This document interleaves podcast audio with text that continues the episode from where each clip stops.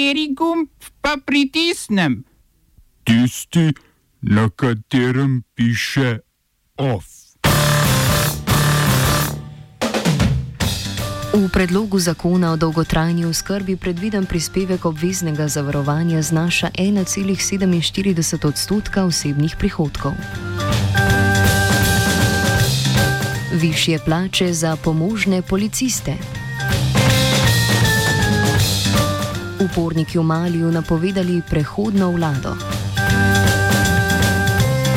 V kulturnih novicah otvoritev festivala Grounded.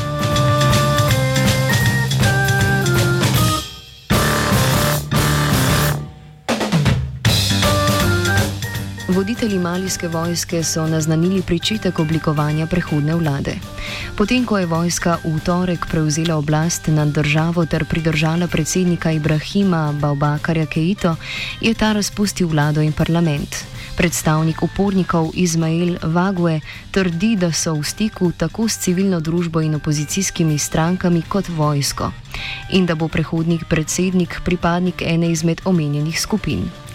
Zagotavlja tudi, da prehod ne bo trajal predolgo in da bodo volitve izvedene v najkrajšem možnem času. Voditelji 15 članic gospodarske skupnosti zahodnoafriških držav, krajše ECOWAS, pa so napovedali diplomatsko skupino namenjeno nadzorovanju delovanju prehodne vlade.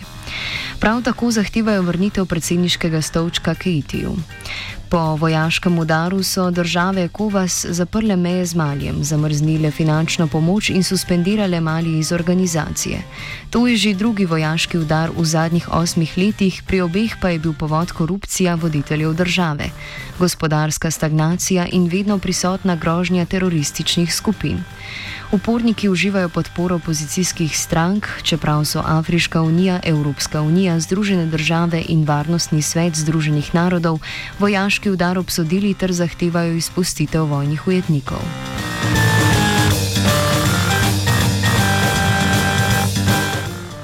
Bannon, nekdani politični strateg ameriškega predsednika Donalda Trumpa, je bil še s tremi soobtoženci aretiran zaradi goljufije. Sam krivde sicer ne priznava, šlo pa naj bi za prevaro donatorjev, ki so podprli gradnjo zidu na meji z Mehiko, ko je skupina Gradimo zid, katere promotor ter član svetovalnega odbora je tudi Bannon, začela spletno kampanjo za zbiranje sredstev. Bannon je organizacijo predstavil kot prostovoljno, so storilec Brian Colfax. Faš pa je trdno zagotavljal, da nobeden izmed štirih usumljencev od kampanje ne bo prejel niti evra. To se je izkazalo za neresnično v več tisočih evrih na osebo, ki so jih prejeli z naslova kampanje. Benon je imel več kot milijon dobička, ki si ga je izplačal pod predvizo osebnih stroškov. Četverica je obtožena namena nezakonitih nakazil denarja in namere pranja denarja. Kampanja Gradimo zid trdi, da je denar doniralo več kot pol milijona ljudi in skupaj izbralo 25 milijonov. Benon pa ni edini nekdani Trumpov svetovalec, ki se je znašel v težavah z zakonom. Nekdani vodja Trumpove volilne kampanje Paul Manafort je bil obsojen na sedem let in pol zapora zaradi davčnih prevar, pranja denarja in podobnih nezaželenih finančnih aktivnosti, ki naj bi jih zagrešil, preden je začel delati za Trumpa.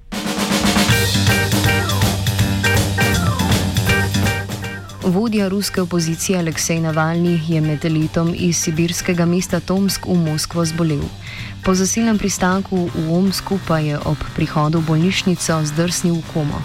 Njegovi simpatizeri trdijo, da Navalni ni zbolel, marveč je bil zastrupljen. Tako Angela Merkel kot Emmanuel Macron sta Rusiji ponudila zdravniško pomoč, Navalnemu pa azil in ekstrakcijo iz države. Navalnovi zdravniki trdijo, da niso našli nobene strupene snovi in da naj bi zbolel zaradi metabolnih težav, ki jih povzroča nizka raven sladkorja v krvi. Zaradi nestabilnosti njegovega zdravstvenega stanja omski zdravniki ne dovolijo transporta, čeprav je iz Nemčije prispelo reševalno letalo. Trdili so tudi, da so bile na koži in oblikah navalnega najdene sledi nevarnih kemičnih substanc in da je tako njegovo stanje nevarno vsem. A je bila ta izjava kasneje preklicana. Oba, če bom odgovoril na angliški. Slovenija will try to help. We can Slovenija will and we will do our utmost to say that the situation is our problem ourselves. and uh, We will make further steps as soon as the conditions are bomo vlado Marjana Cererja, Mira- eh, Marjana Cererja Šarca podprli. uh, very very serious. we know how and we will.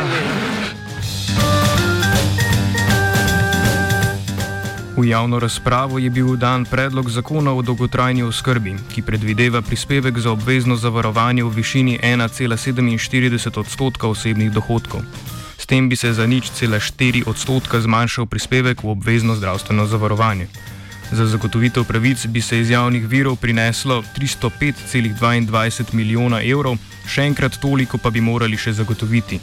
S financiranjem iz javnih, javnih virov bi se zagotovilo, da bi lahko upokojenci ne glede na so, socioekonomski status dostopali do primerljivih storitev brez dodatne obremenitve njihove družine.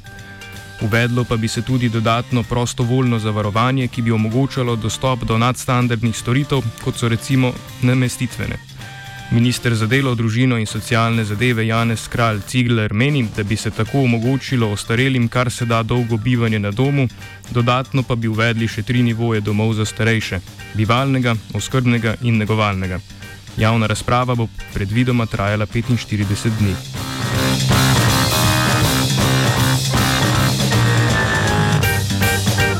Slovenska vlada je sprejela spremembo uredbe o pomožni policiji. S 1. oktobrom se bo pripadnikom teh enot osnovna plača zvišala za tri plačilne razrede.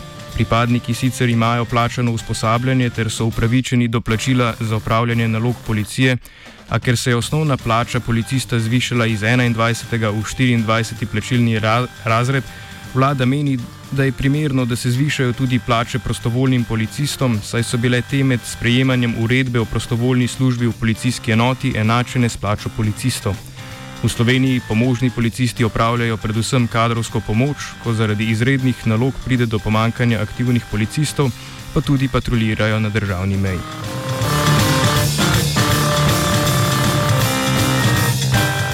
Na predlog ministra za obrambo Mateja Turina je vlada razrešila generalnega direktorja obveščevalno-varnostne službe Ministrstva za obrambo Andreja Osolnika. Ta je v soboto Toninu predal prošnjo za razrešitev, na mesto vršilca dolžnosti pa je bil imenovan Jaroš Britovšek. OF je pripravila Lucija.